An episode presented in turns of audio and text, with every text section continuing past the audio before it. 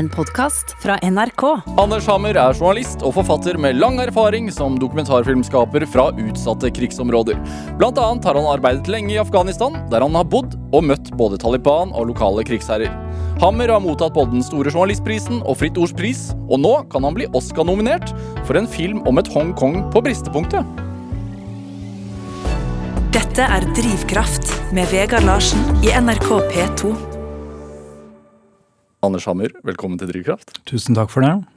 Hvordan har du det? Jeg syns jeg har det bra. Jeg. Glad for at eh, våren begynner å komme i Oslo. Det har vært veldig kaldt. Ja.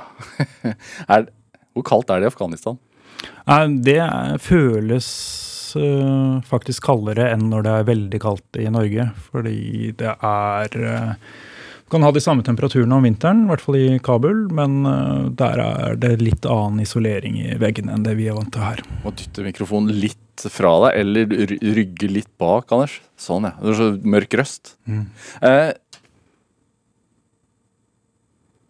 Afghanistan. Jeg vil prate om det etterpå. Vi må snakke om Hongkong først. Siden du kan bli Oscar-nominert. Altså det at du kan bli Oscar-nominert. Altså nå er du på en sånn shortlist, som det heter, hvor du er plukket ut Uh, Man kommer gjennom et sånt nåløye hvor noen havner på en shortlist, og så blir de endelig nominerte klart først 15. mars.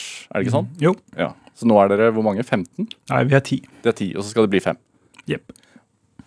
Hva betyr det for deg å bli Oscar-nominert eventuelt? Det er så fjernt fra det du vanligvis driver med. Ja, nei, jeg, jeg, øh, jeg er veldig glad for at vi har havna der. Ja. Uh, vi, det var filmselskapet som jeg samarbeider med i eh, USA, som hadde det som mål. Eh, og jeg syns jo det er morsomt med ambisjoner, eh, men syns også det var flaut å snakke om til andre. Hvorfor det? Nei, for jeg, det er, nei, jeg, jeg syns det er litt sånn i overkant. Men jeg er veldig glad for at filmen får den anerkjennelsen som den da har fått. Og det har også bidratt til at vi har mange diskusjoner nå om situasjonen i Hongkong. Eh, Det fikk mye oppmerksomhet i Hongkong da det ble kjent at filmen eh, havna på eh, den kortlista. Hvordan får du oppmerksomhet der? I nyhetene. Så det var de, mange av de største mediene i Hongkong. Mm. og det er en veldig spesiell situasjon i Hongkong nå. Eh, det går veldig dårlig eh, for den prodemokratiske siden, altså de som kjemper for å bevare det også jeg ser på som grunnleggende demokratiske rettigheter.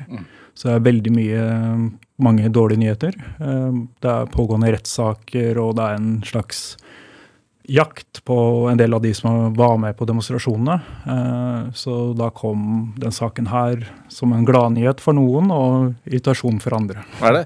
Også, øh, for de som ikke har sett Not Split, som dokumentaren din heter, øh, hvordan vil du beskrive den? Det er en halvtimes lang dokumentar. Det er en veldig fysisk dokumentar hvor jeg prøvde å være så tett på demonstrasjonene som mulig i gata. gata. Og følge demonstrantene så lenge og så tett som mulig der de enten prøvde å aksjonere mot politiet, eller veldig ofte rømte fra politiet. så det var liksom sånn katt og mus. eh, eh, dager i Og etter hvert måneder. Da. Altså det her foregikk det på det mest intense. Jeg filma vel i sju måneder, eh, så det var en sånn superintens eh, periode. Nå- Hva var det som gjorde at du bestemte Altså, når bestemte du deg for å reise, reise dit? Eh, Jeg var allerede i regionen eh, da demonstrasjonene starta i juni 2019. Du kan si helt sånn kort hva, hva som var utgangspunktet for det, men det var Hongkong er i en litt sånn særsituasjon. De var lenge en britisk koloni, og så i 1997 så ble det overført fra Storbritannia til eh, Kina. Eh, Da var det meningen at eh, Hongkong skulle ha delvis autonomi, at det skulle ha et lokalt folkestyre og skulle ha et eget politisk og juridisk system i 50 år. Og så har befolkningen i byen og omegn sett at de har kommet under et voldsomt press fra Kina. Og de som da gikk ut og demonstrerte, var redd for at de var i ferd med å miste de demokratiske rettighetene som de var vokst opp med. Altså Beijing ville ha Hongkong. Ja, Beijing ville omskape Hongkong til en hvilken som helst annen kinesisk by på fastlandet, sånn som de sier det. da. Mm. Uh, og der er det et helt annet uh, politisk styresett. Kina er ikke et demokrati, det er et diktatur. Uh, og man det styres på en helt annen måte, og folk må leve på en helt annen måte enn det de har kunnet gjøre i Hongkong, hvor det har vært utbredt ytringsfrihet. Så de som gikk ut i gatene da, var veldig mange unge folk som følte at de kjempa for framtiden. Men du leste om, det, leste om dette på nyhetene? Ja, jeg fulgte nyhetene, og så kunne jeg ikke forstå hvordan det her ville utspille seg. Fordi altså, Kina er da et av verdens mektigste land. De er ikke kjent for å ta i bruk demokratiske virkemidler når de møter motstand. De er veldig harde med sin egen befolkning. Og her var det eh, tusenvis av unge som gikk ut med eh, og reiste seg altså til kamp mot Kina. Eh, så det var sånn, rett og slett ren nysgjerrighet at jeg dro dit. og jeg ville se hvordan det foregikk. Og så hadde jeg i tanken at jeg gjerne ville lage en film hvis jeg så eh, at jeg fikk tilgang, da, som er sånn jeg tenker. At jeg må ha tilgang for at det skal være noe sånn, at jeg skal kunne bidra med noe fornuftig. Men er det sånn det ofte starter for deg? At du tenker oi, dette er eh, interessant. Ja, det er sånn eh, temabasert eh, arbeid. Altså, det kan være temaer som jeg er opptatt av, og så gjør jeg research på ulike måter, og så prøver jeg å jobbe med det hvis jeg ser at jeg på en eller annen måte får den tilgangen jeg tenker er nødvendig. da. Mm. Ja, altså det, jeg har sett, sett dokumentaren, og det, som du sier, det er en fysisk dokumentar, fordi du er jo Du er, du er i demonstrasjonene. Du er i kampene. Mm. Ekstremt til stede. Uh, så til stede at du merket det på kroppen selv også? Ja, ja det gjorde jeg. Til, det gjorde alle som var ute der. Ja. Det var veldig mye tåregass, og det er jo ubehagelig for kroppen. Eh, og så var det mye skyting. Gummikuler og også, Tåregassen er jo plagsom ved at den eh, du reagerer fysisk på det, men den er jo også farlig hvis du, den blir skutt mot hodet eller andre vitale deler av kroppen. Eh, Og så var det andre våpen som politiet brukte. og I tillegg så hadde demonstrantene masse hjemmelagde våpen, for å si det sånn. Bl.a. Blant annet brannbomber. Eh, Og de var jo ikke presise i det hele tatt, så de fløy litt hit og dit. Og det var mange de ikke var ment for, som de også traff. Eh, Så det var veldig uforutsigbart og også farlig, da, åpenbart, eh, av og til. Men, øh, men for meg personlig så var det mye mindre fare enn en del andre situasjoner jeg har vært i. Og det var heller ikke noe sånn tvil om at det var jeg som var minst i fare av alle jeg hadde rundt meg. Altså, de unge risikerte mye mer, og de risikerte lange fengselsstraffer. Mens vi eh, reportere, spesielt da utenlandske reportere, i stor grad ble knuffa på og slått litt og sånn av politiet. Av og til så skøyt de mot oss også, men sikta med vilje. Eh, Men det, det var mer etter hvert. Men det var ikke noe sånn For meg så var det ikke så ubehagelig rent fysisk. Bortsett fra jeg brakk nesa. Eh, Og det var eh, Det var Det var ikke noe godt, men det gikk fint. Hvordan er det Men når du er midt i det, og, så, og, og det er så intenst som det ser ut på i filmen din, sant? Ja. Er det Hvordan reagerer kroppen? Er det adrenalin, eller er du fokusert på det og det? Altså, For du filmer jo selv. Ja. Ja. Nei, det, det er jo en miks. Altså, jeg gjør, velger å jobbe på den måten fordi jeg mener at jeg håndterer det, at jeg er rolig. Det er også et poeng når du filmer at du rett og slett må ha nok ro til å holde kameraet såpass stille. Eh, må- at det gir mening å se på opptakene. Så hvis det blir veldig mye risting, så blir jo det bare ubehagelig film. Eh, så jeg har vel fått prøvd meg litt før på eh, spente situasjoner og vet at jeg er ganske rolig i den type eh, sammenhenger. Sånn, og at jeg kan tenke rasjonelt og kan også fokusere på opptak samtidig som jeg tar vare på min egen sikkerhet og dem jeg følger. Istedenfor at det er en sånn forklarende dokumentar om situasjonen og altså Det er jo enkelte intervjuer i, i dokumentaren din, men, men det er jo hovedsakelig tilstedeværelse i hva skal man si, kampsituasjoner. Hvorfor, hvorfor tenkte du at det var liksom et interessant sånn formspråk på det hele? Det er flere grunner til det. Jeg ville følge prosessene så tett som mulig, fordi for meg så var det veldig fascinerende å se de ulike måtene de aksjonerte på. Mm. Som er? Som er alt fra store gateslag til mer humoristiske familieansamlinger med barn og eldre, og som minner mer om å være på musikkfestival. Ja. Som, og jeg har Jeg var lenge med i Natur og Ungdom selv, så jeg har liksom øh, vokst opp med å være med på aksjoner selv. Jeg syns det er også intellektuelt interessant å se hvordan de jobba. De var veldig øh, teknisk savvy. Altså de var veldig flinke til å bruke nett og apper mm. i organiseringen. Eh, også for å beskytte seg selv, altså sin egen sikkerhet og identitet.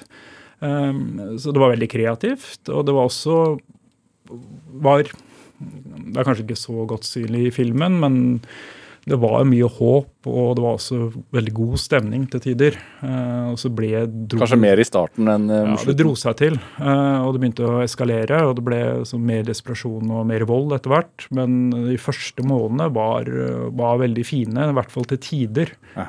For da virker det som altså at det startet som et slags altså, studentopprør med tro på at dette er viktig, dette skal vi få til, vi må stå opp for demokratisk Hongkong. Når skjønte du at uh, de ikke kom til å vinne frem, holdt jeg på å si? Jeg var nok skeptisk hele veien, fordi jeg kjenner jo litt til Kina fra før av. Og, og, har sett hvordan de har gått fram i deler av Afrika, som jeg har jobba tidligere, og også i Øst-Afrika. Eh, og også i Afghanistan. Eh, I Afghanistan så var det en veldig kontroversiell ringvei som de prøvde å bygge altså, som skulle gå rundt hele landet. Det var jo et livsfarlig prosjekt. Det var eh, flere kinesiske selskaper som var inne, og ingen andre som turte å styre det arbeidet.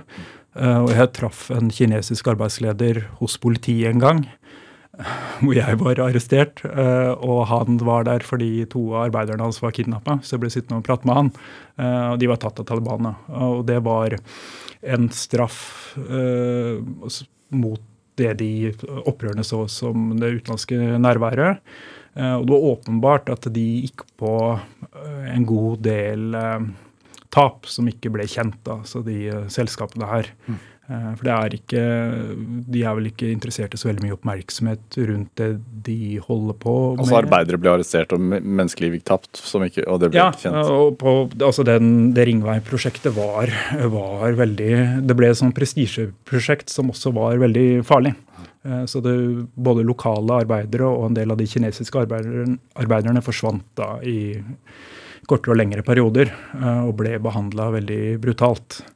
Eh, men poenget her er vel at eh, Kina driver en veldig ekspansiv politikk, eh, både økonomisk og politisk, og har enorm påvirkning i verden i dag. Se bare hvordan norske politikere er redde for å være for kritiske, fordi de også vet at Kina sanksjonerer. Ehm, man har jo opplevd at norsk laks har blitt boikotta etter en fredspris for eh, noen år siden. Eh, så det, eh, de, de, reagerer veldig negativt på kritikk. Og har, slik jeg ser det, ikke noe demokratisk mål for den ekspansjonen da, som de nå holder på med. Hva er ditt mål, da, når du er der som dokumentarfilmskaper? Altså, er du, er du nøytral, tenker du, eller hva, har du et I Hongkong? Ja. ja i det jeg er jo ikke av de som mener at journalistikk er objektiv. Eh, men, eh, og jeg eh, syns ikke det er noe vanskelig å si at jeg sympatiserer med det jeg kaller de demokratiske kreftene i Hongkong. Jeg har grunnleggende tro på at ytringsfrihet er noe positivt, og at man også skal ha ordinær stemmerett og ha andre grunnleggende demokratiske rettigheter. Det er, det er noe alle mennesker bør ha. Eh, men eh, du ser jo at eh, verden hadde altså, I internasjonal politikk så ble det en veldig vanskelig konflikt hvor mange kvier seg for å involvere seg fordi det er Kina som er den framrykkende part som ønsker å endre styresettet på en måte som uh, gir mening for dem, men som er, det er grunnleggende i strid med det, det norske politikere står for. Altså Utenrikspolitisk burde det ha vært sterkere, sterkere, reaksjoner herfra og fra resten av verden. Uh, men det er spesielt vanskelig da, når det er Kina. Men det er uh, ja, man ser jo, Det er jo ikke helt unikt. Man ser det i verdenspolitikken for øvrig også. at man, Det er feighet og det er mye taktisk spill, og det er mye mer som skjer um, men, men når du er, enn det vi får med oss. Men, men, men altså når du er der borte i, i, syv måneder da, og filmer, og, og Tenk, målsettingen må jo være at filmen skal bli sett, uh, og det, det, blir den jo nå. og Den blir kanskje også Oscar-nominert, så enda flere ser den. Men Tenker du at den kan liksom føre til noe, annet enn at man får et innblikk i hvordan det var under demonstrasjonene? Ja, jeg, jeg ser på den filmen som en historie om eh, demokratisering og et forsøk på å forsvare demokratiske rettigheter. Ja. Uh, det er en kamp for ytringsfrihet.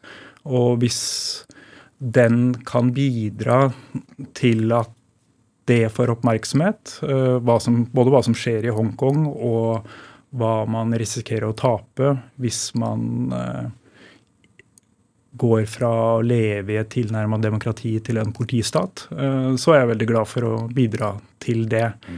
Men det, det er ikke en naturlig måte for meg å snakke om egne prosjekter når jeg går i gang på den måten. Altså det, jeg syns det fort kan bli litt svulstig.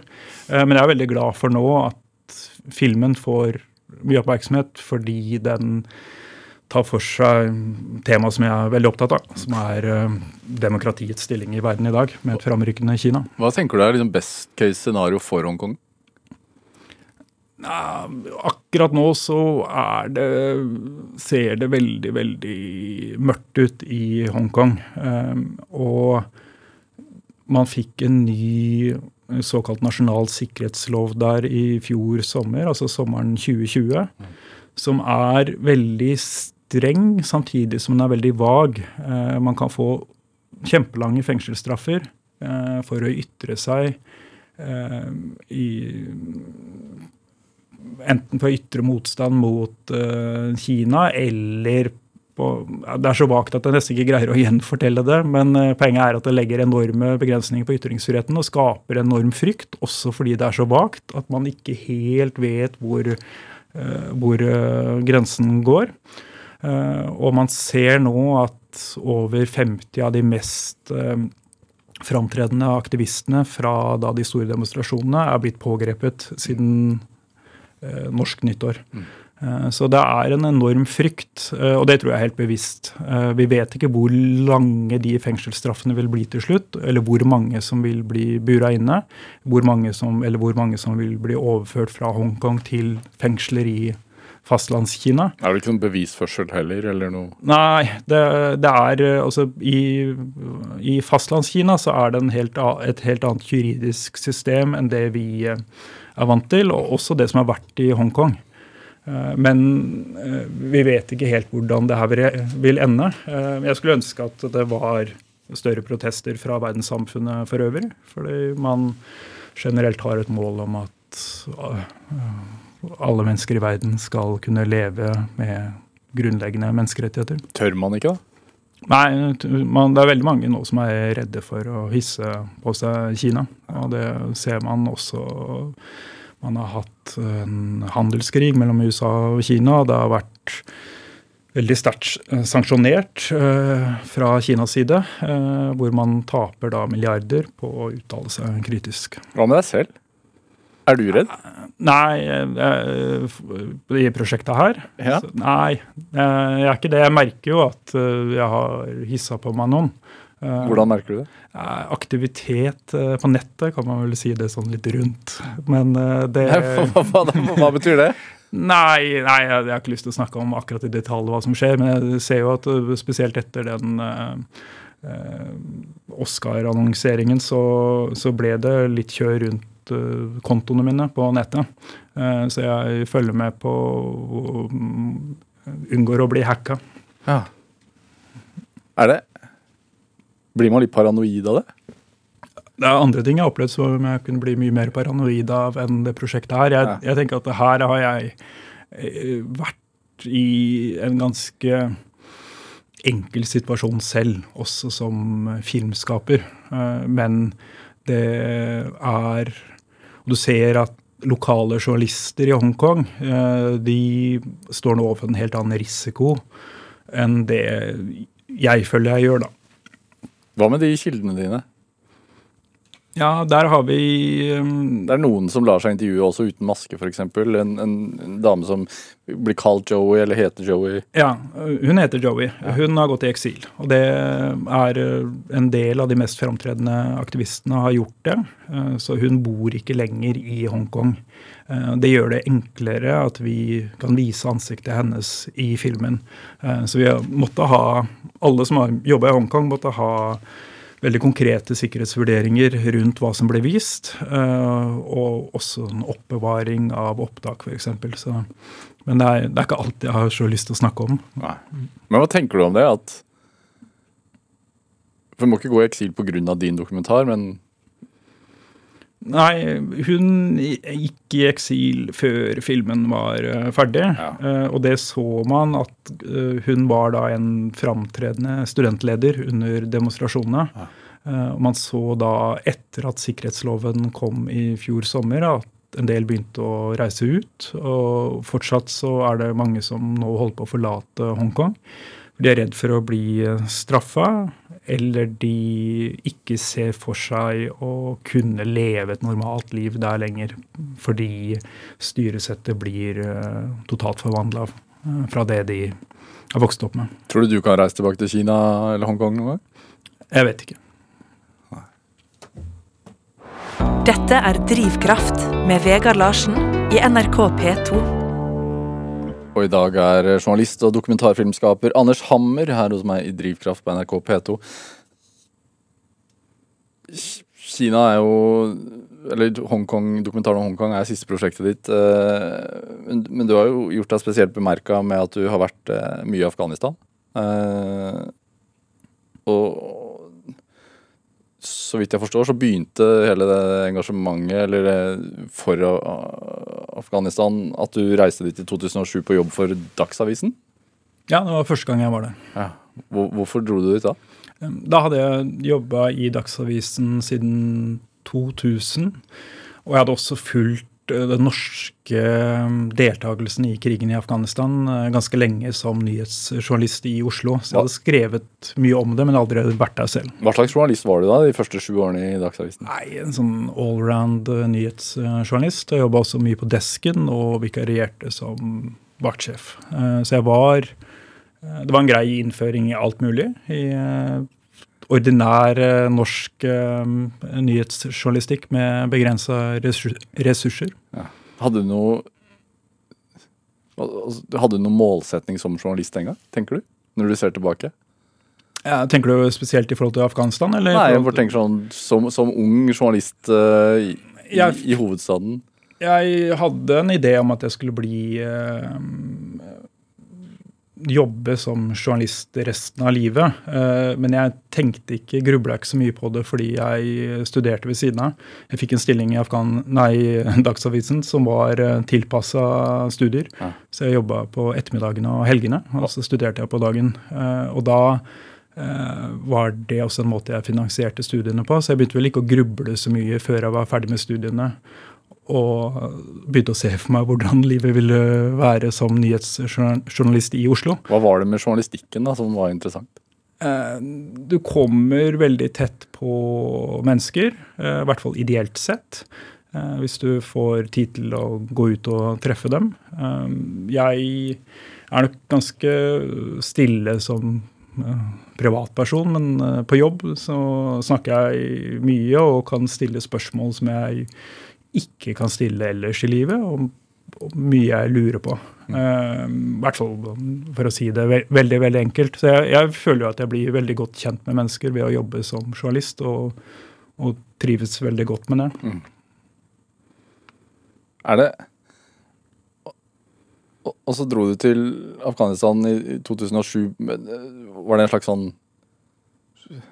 pakketur, holdt jeg på å si? Pakketur? ja, ja, var de, var, Det var pakketur første gang, for da var det Forsvaret som hadde invitert Dagsavisen til å være okay. med sammen med en del andre og det var ikke 2007, det? Nei, det var 2006, og da var man jo på en arrangert tur i regi av Forsvaret, hvor de ville presentere Afghanistan. Skriv, skriv hva vi gjør i, i Afghanistan. Hadde plukka ut noen vellykka soldater som du kunne fortelle positive historier om. Ja. Så det systemet eksisterer fortsatt, men, og det er jo litt sånn begrensende. Det er ikke så overraskende at det er sånn det er, men jeg fikk vel noen ideer om at det også gikk an å jobbe litt annerledes da i feltet. Ja, hva tenkte du om den turen altså, i 2006? Hva skjedde da? Altså, Nei, altså det rulla ikke, det. Det var hektisk og det føltes begrensende samtidig som det var utrolig spennende å være i landet. Ja.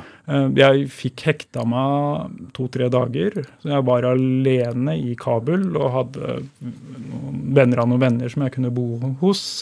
Og rapporterte eh, da egentlig bare med å gå rundt i gata og treffe folk. Altså, det var litt, jeg hadde vel litt mer konkrete planer, men det var ganske enkelt arbeid. Men det var veldig givende. Og da tenkte jeg hvis jeg drar tilbake hit og gjør eh, mer grundig arbeid, eh, så kan det bidra til å vise andre sider av Afghanistan her hjemme. ja, var det det som var givende med de dagene du stakk av fra resten? Ja, ja. og det og selvfølgelig var det veldig spennende også. Det er alltid spennende å dra til nye land og bli kjent med nye kulturer, selv om mye av det som eh, skjer i Afghanistan er veldig negativt, og i den forstand at det er en, er en brutal krig, eh, så er det jo også et veldig givende land å være i. Det er masse hyggelige mennesker. Eh, Du får et helt annen følelse med landet når, du reiser rundt der. Eh, Så det Samtidig som jeg følte vel hvis vi skal gå videre, da, jeg endte jo opp med å bo der lenge. Jeg hadde ikke tenkt å bo der mer enn fire måneder da jeg først dro dit da sommeren 2007. Skulle skrive en bok om eh, private sikkerhetsselskaper i krig. Og så ble jeg vel mer og mer bevisst på at det her også var en veldig del, viktig del av norsk historie. Eh, krigen var inne i en utrolig dramatisk periode hvor det ikke gikk bra, i den forstand at det ble mer og mer utrygt, og opprøret tok kontroll over større og større deler av landet. For da har det vært altså da, Før dette her så hadde man en tanke om at nå har man kontroll. Ja, i hvert fall en liten stund før. Eh, Det hadde nok gått dårlig lenge, men det var eh, sånn fra 2003-2004. Men det er jo vanskelig å få informasjon fra Afghanistan, i hvert fall uhildet, eh, hvis noen kan kalles det, hvis du ikke drar ut selv. Eh, For veldig mye av den informasjonen som kom ut, var jo da levert gjennom informasjonssystemer, litt à la den turen jeg var på, da, som det var i regi av Forsvaret. Altså, det er ikke så mange som eh, det, det var ikke så mye uavhengig rapportering fra landsbygda i Afghanistan, for å si det på den måten. Eh, Det var vel det jeg ville prøve å bidra til, og det var også en god del andre som gjorde det. Eh, Så jeg ble fort en del av et fint journalistmiljø i, i Kabul. eh, Og fikk mange utenlandske venner og lokale venner som jobba med det samme. Kan jeg stille noe dumt spørsmål? Altså,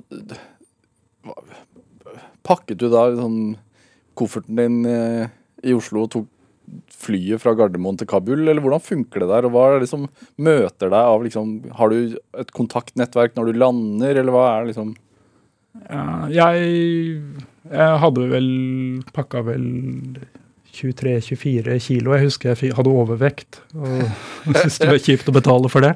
Jeg pakka lite eh, og hadde reist med mye mer nå enn det jeg gjorde da.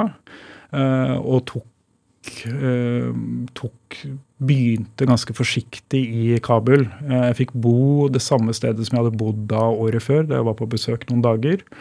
Og så etter hvert så flytta jeg inn i et kollektiv. Var dette mennesker du hadde hatt kontakt med på internett? eller så, Nei, før, eller? først var det venner av venner i Norge. Og så ble jeg jo veldig fort kjent med mange flere i uh, Afghanistan. Uh, og jeg fikk et veldig ålreit sosialt liv der. Eh, sånn at det var, meg, For meg så var det ikke noe offer å bo der. Jeg vet, altså Det kan høres sånn dramatisk ut at jeg har bodd der i seks år, og sånn, men er, jeg, for meg så ga det mening. Det var ikke planlagt, planlagt å være der så lenge, eh, men det var uh, veldig meningsfylt å jobbe der da, for min del. Blir du liksom en del av og så blir det en del av identitet Altså, Bodde du i Kabul, eller hvor bodde du? Ja, jeg bodde i Kabul, og så reiste jeg mer og mer rundt i landet. Ja. Og hadde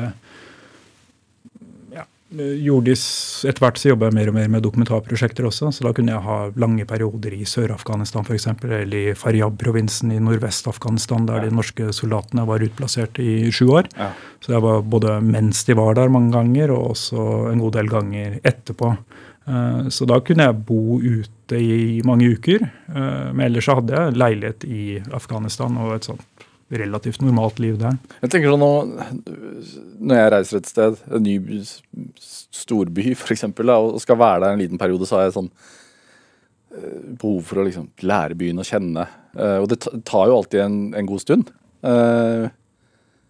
Når følte du at liksom du At det var hjemme? Nei, nei det, det, Jeg følte vel aldri at Kabul var hjemme. Eh, jeg føler Tønsberg er hjemme. Det er der, der jeg er født. Ja. Eh, og det er en kultur som er veldig vanskelig å komme inn i som utlending.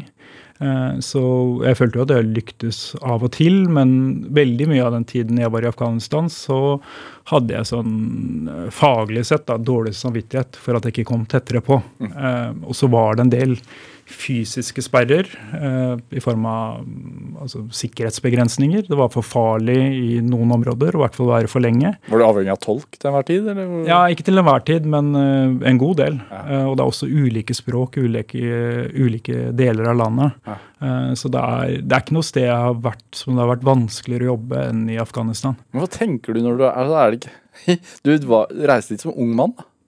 Ja. Og Savnet du ikke ja, det, er, altså, det, der er ikke så Det, det er kanskje spesielt fordi vi, vi er et lite land. Ja. Uh, I Kabul så var det mange utenlandske eh, journalister. Ja. Og det var mange som uh, hadde som mål å gjøre en best mulig jobb der som journalist. Så for meg så er det ikke så så er det ikke så uvanlig. Men uh, det Jeg ville aldri ha bestemt meg for å bo der så lenge, men sånn, sånn ble det. Men eh, det mm, Hva var drivkraften? Altså, hva var det du overbeviste altså, Hva sa du til deg selv? Altså, hvorfor, hvorfor, tenkte du at det var viktig for deg å være der?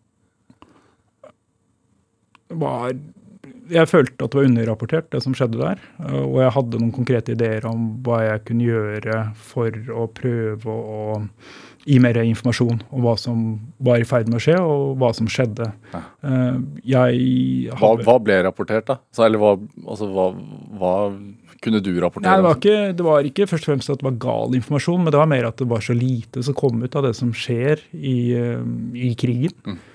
Jeg opplevde situasjonen så mye mer dramatisk enn sånn det ofte ble rapportert fra andre som var involvert i krigen, altså fra politisk hold og fra, fra Forsvaret uh, her hjemme. Da. Uh, så, og jeg forstår at de hadde behov for å framstille den krigen Eh, som eh, mer eh, positiv, i den forstand at det gikk rett vei for dem. Hvorfor, tenkte du at det, hvorfor tror du at det var et sånt behov for å Nei, Fordi nordmenn ble drept der. Og man må, man må gi velgerne en følelse av at det er no, en krig som det er verdt å dø for.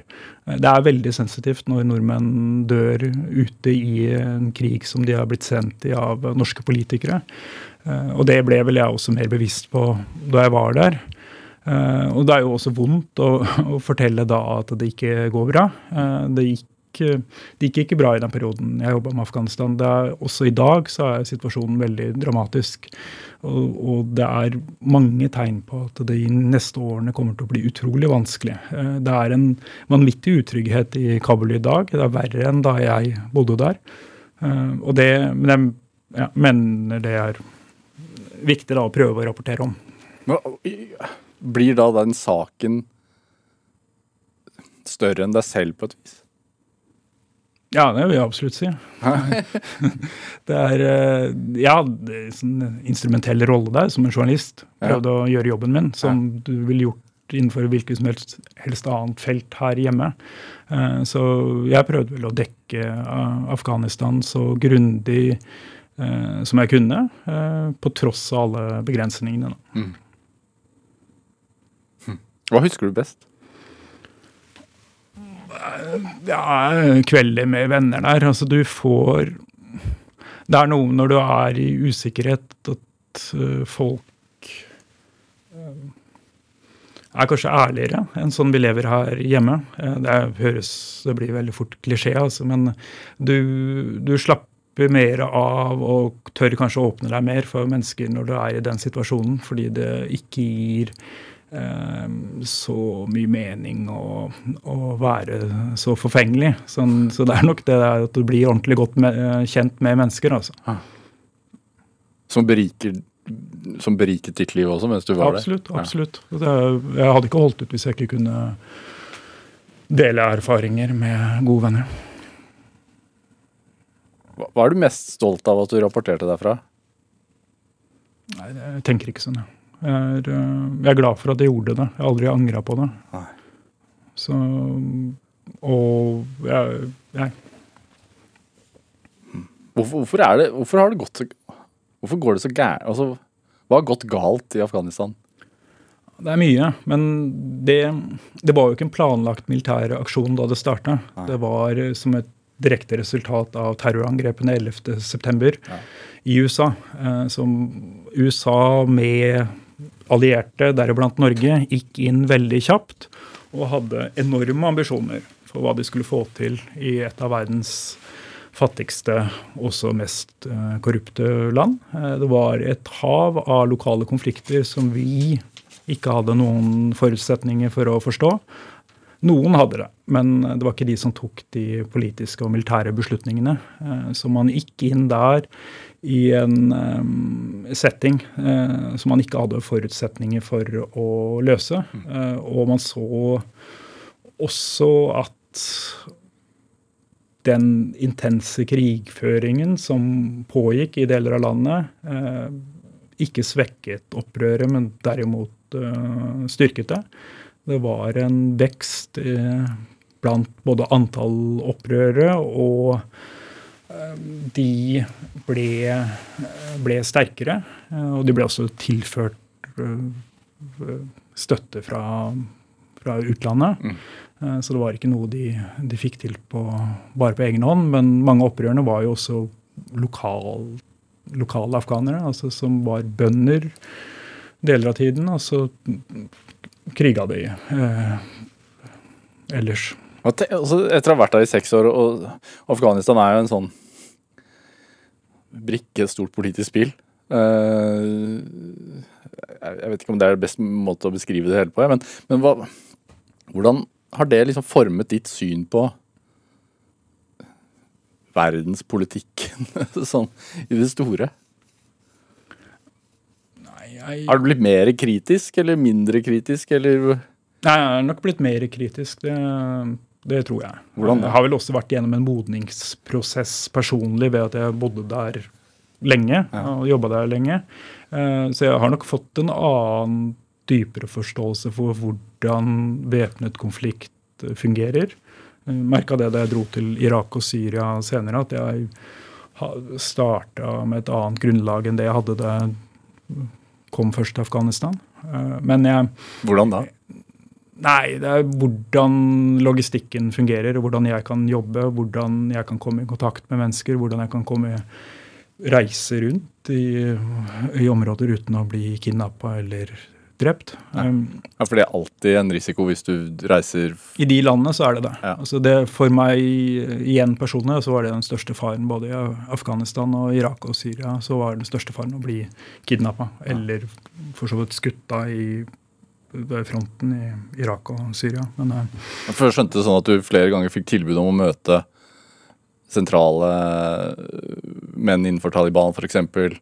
Og så Ja. måtte du vurdere Eh, er dette reelt, eller er dette Ble jeg lurt i en felle? Altså, Ja, altså Problemet for mange journalister i Afghanistan var at de fleste som ble kidnappa, trodde de var på vei til et intervju. Ja.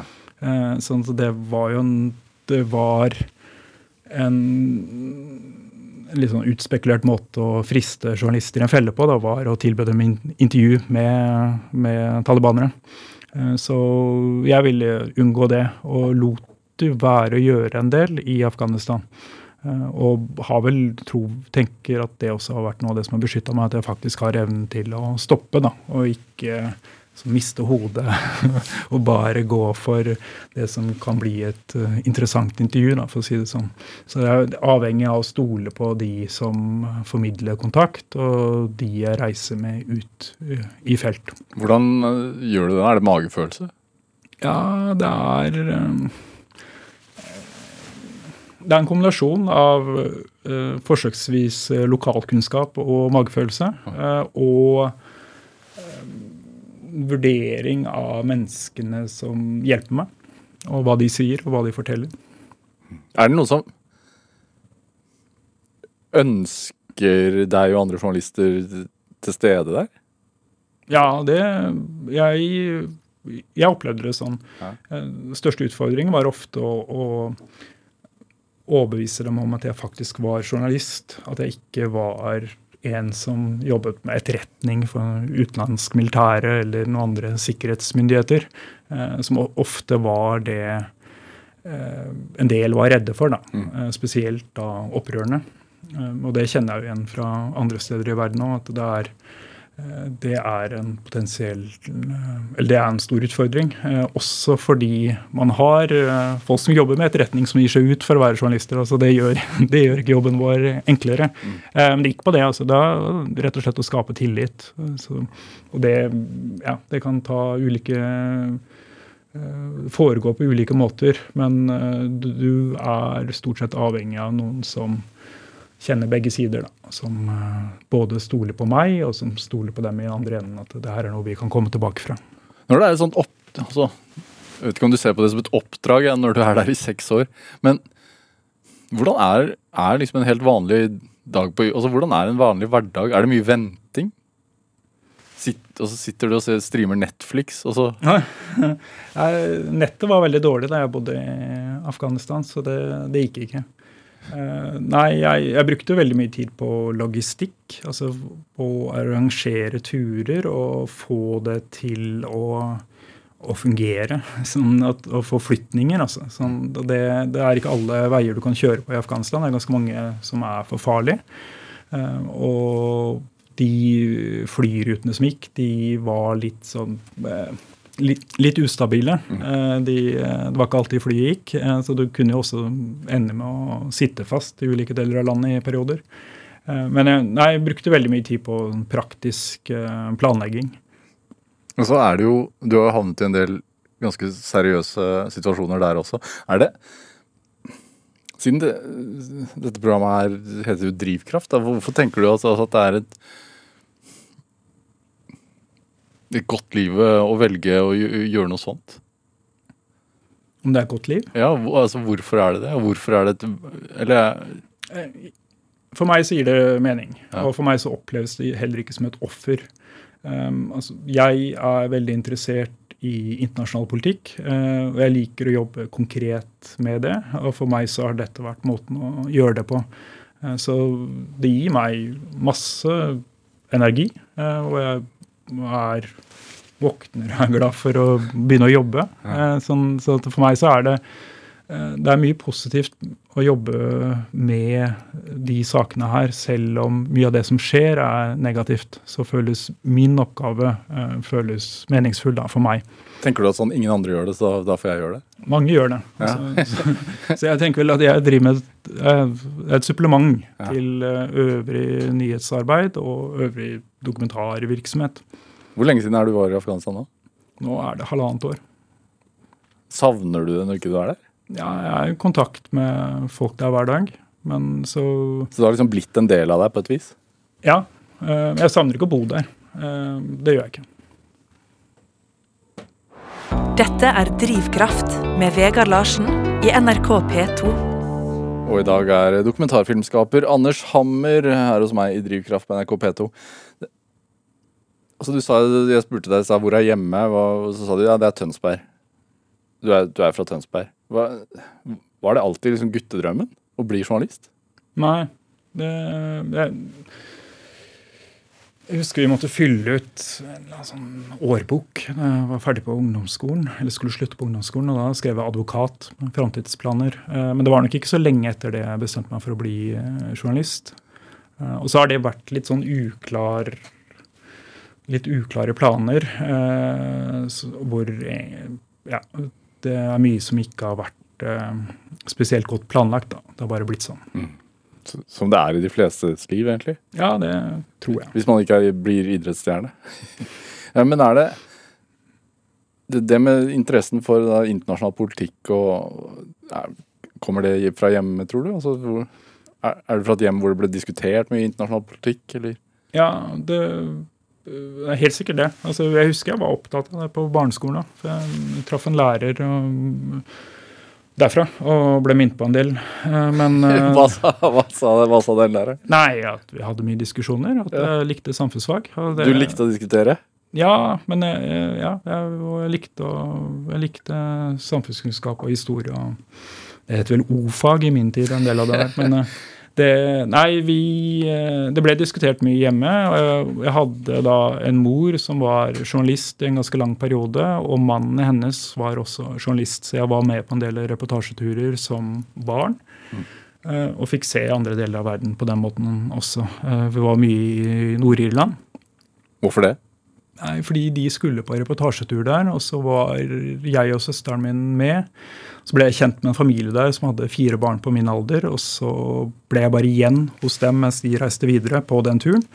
Og så endte det med å bli en slags sånn vertsfamilie, ekstrafamilie for meg. Jeg dro dit hvert år eh, i tenårene, eh, enten om sommeren eller eh, til jul, og, og feira og var på ferie med dem. Men er det sommerferie til Nord-Irland på, på reportasjetur? så var det IRA Ja, det her var slutten av 80-tallet, begynnelsen av og gjennom 90-tallet. Så det var en ganske annerledes situasjon i Nord-Irland enn sånn det er i dag. ja, Hvordan var den situasjonen da? Nei, Borgerkrigsaktig. Så det var mye britiske soldater eh, som gikk bevæpna i eh, gatene. Eh, Og jeg bodde da i Belfast eh, de periodene jeg var der. Eh, Og det var Jeg var litt avhengig av hvor du var i byen, i hvilken grad du merka det britiske militære nærværet. Men du måtte alltid ha det i bakhodet, og vi fikk alltid advarsler da vi skulle ut. Hvis vi skulle ned i byen og sånn, så måtte vi, fikk vi advarsler om hva vi skulle gjøre hvis det ble en bombealarm, da, som av og til gikk der. Så det var et veldig annerledes liv enn det jeg vant, var vant til fra Tønsberg. Hva skulle man gjøre da hvis det gikk en bombealarm? der? Da skulle vi gå til et familiemedlem som bodde i, i sentrum der, og være der til det var over. Hvordan var den, altså den uh, irske familien, hvordan var de? De var veldig ålreit. Eh, Det var eh, en utrolig eh, hyggelig familie som eh, bare lo- lot meg leve som en integrert medlem. Eh, Det var barn som var både litt eldre og litt yngre enn meg. Eh, Faren var lege, og moren jobbet eh, frivillig hele tiden. Med, altså, drev sosialt arbeid og og det som var forsøk på sånn, fredsskapende aktivistarbeid i Belfast. Så hun jobba mye i de tøffere bydelene i Belfast, og tok oss også med dit. da. Som du ble engasjert i som ung gutt? ja, altså vi var med. Eh, Jeg vil si Det er en ganske begrensa rolle det vi hadde. Vi drev jo mye og lekte og rota rundt og spilte fotball og sånn, og etter hvert festa. Men det var Vi, vi, vi traff jo veldig mye ulike folk, og det var, sånn, det var en sånn merkelig ordning der i jula at fangene fikk sånn to ukers uh, permisjon. Så da var vi ute og drakk øl med dem i, i jula. Hvordan, Eh, hvordan fester irske tenåringer kontra norske? Ah, nei, Det var mye tøffere enn det jeg var vant til. Tønsberg er veldig beskytta by. Uh, veldig mye utagerende gutter da, i, og unge menn i Belfast. Ja. Og mye slåssing, eh, og det var ikke jeg vant til å se. Eh, Men altså det eh, det var slående forskjellen. Det var også mye Nei, det var mye tøffere ungdomskultur enn det vi hadde i Norge, i hvert fall i stort monn på den tiden. Hvordan, Var det en annen Anders Hammer som kom hjem fra de sommerferiene enn som dro dit? Jeg tror i hvert fall det endra litt perspektivet på livet utenfor Norge. Eh, Jeg fikk innsikt i, i hvordan mennesker levde ganske nær oss. Altså, det er jo egentlig veldig kort vei, men det var et totalt forskjellig liv enn det enn sånn vi hadde det her. Ja. Eh, og det var også Jeg er veldig glad i musikk, eh, og jeg hørte veldig mye på britisk musikk på den tiden. Um, Så det var en, også veldig inspirerende. Jeg fikk jo gått på masse konserter. Og fikk også se eh, den ungdomspopulærkulturen populærkulturen da, på litt nærere hold enn det, det vi hadde gjort i Tønsberg. Tenker du at vi, at vi har Altså, vi, vi er, Sånn sett Ja, det er Irland, Nord-Irland, den konflikten vi er nære, men samtidig langt borte. Altså, vi, er, vi, er vi litt naive her i landet?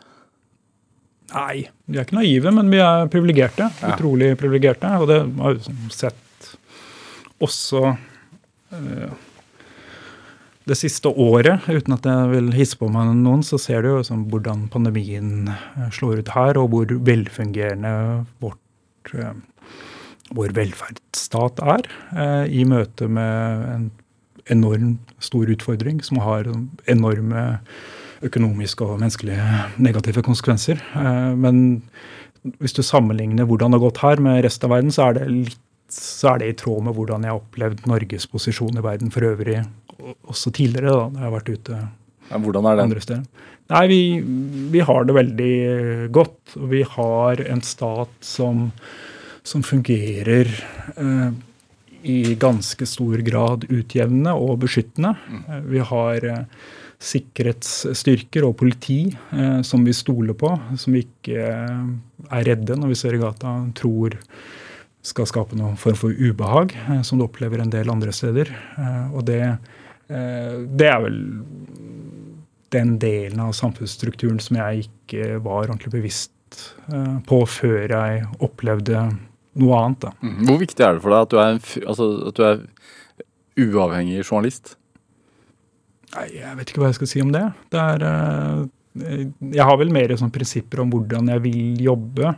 Eh, det som har vært litt utfordringen for meg sånn, gjennom det profesjonelle livet, har vært å finne eh, kanaler hvor jeg kan jobbe på den måten jeg har lyst til. Er- hva mener du med kanaler? Altså, Få nok tid og få nok ressurser. og Ja. få, Sånn som i Norge så har, er norske medier veldig opptatt av alt som har med Norge å gjøre.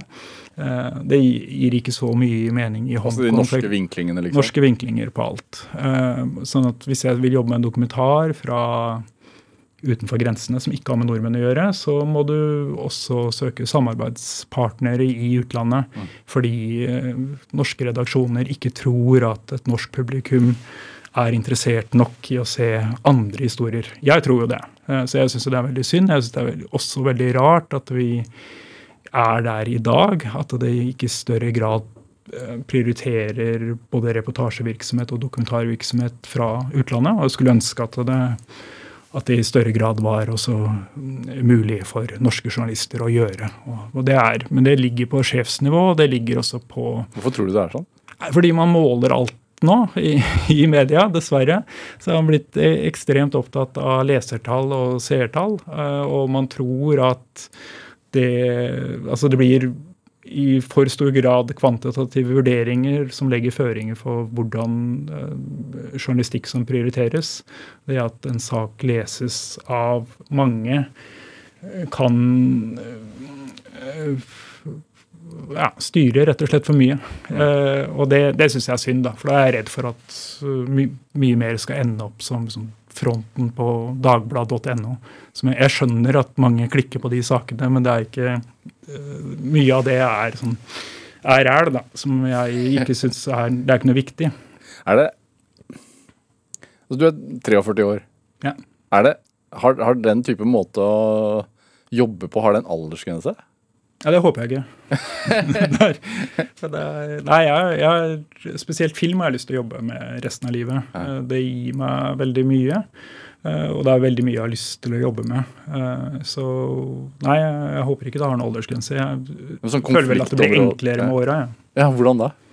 Nei, at jeg har mer erfaring. Jeg vet eh, mer om hvordan jeg kan gå fram for å få finansiert prosjektene jeg jobber med, og for å gjøre det konkrete arbeidet i felt. Er det sånn at du alltid leter etter Sånn som Hongkong, da, da, skjedde det, og så tenkte du dit må jeg dra. Er det sånn Går du hele tiden og tenker sånn Det virker spennende, nå må jeg ta flyet dit.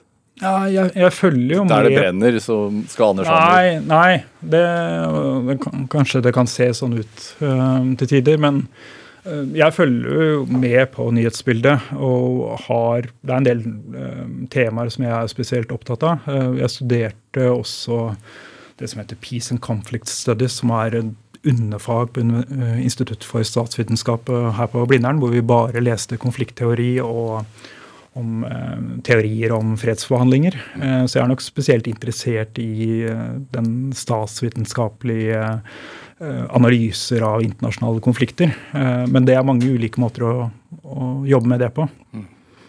Hva tenker du er liksom drivkraften din oppi det hele? Du har vært innom det hele, veien der, føler jeg. Men For, for meg så er drivkraften å jobbe med temaet som jeg er opptatt av, eh, og som jeg tror jeg på en eller annen måte kan bidra til å skildre, slik at andre får mer innsikt i saksforholdene. Altså Det hørtes litt sånn formelt ut, men eh, det er vel det. altså Jeg tenker bare hele tiden at jeg prøver å bidra med å fylle ut bildet. Og ved å jobbe med dokumentar syns jeg gir fantastiske muligheter til å fortelle historier på andre måter, komme nærmere mennesker. Følge prosesser lengre enn det du kan hvis du er sendt ut for noen dager på nyhetsjobb. da. Og får du ut av det rent sånn personlig? da? Ja, jeg får masse. Det er altså, I stor grad så Jeg, jeg er litt dårlig på å skille sånn, eh, jobb, og- jobb og privatliv. Jeg føler det er en måte å leve på. da. Sånn, sånn at jeg, jeg ehm, tenker at det er dette jeg gjør. Anders Hammer, tusen takk for at du kom til Drivkraft. Veldig hyggelig å være her. Hør flere samtaler i Drivkraft i NRK-appen, eller last oss ned som podkast. send oss også gjerne ris og ros. Eh, send en e-posten til drivkraft.krøllalfa.nrk.no. Produsent i dag, det var Kjartan Aarsand. Siv Hammer researchet og bidro sterkt til denne sendingen. Jeg heter Vegard Larsen. Vi høres. Du har hørt en podkast fra NRK.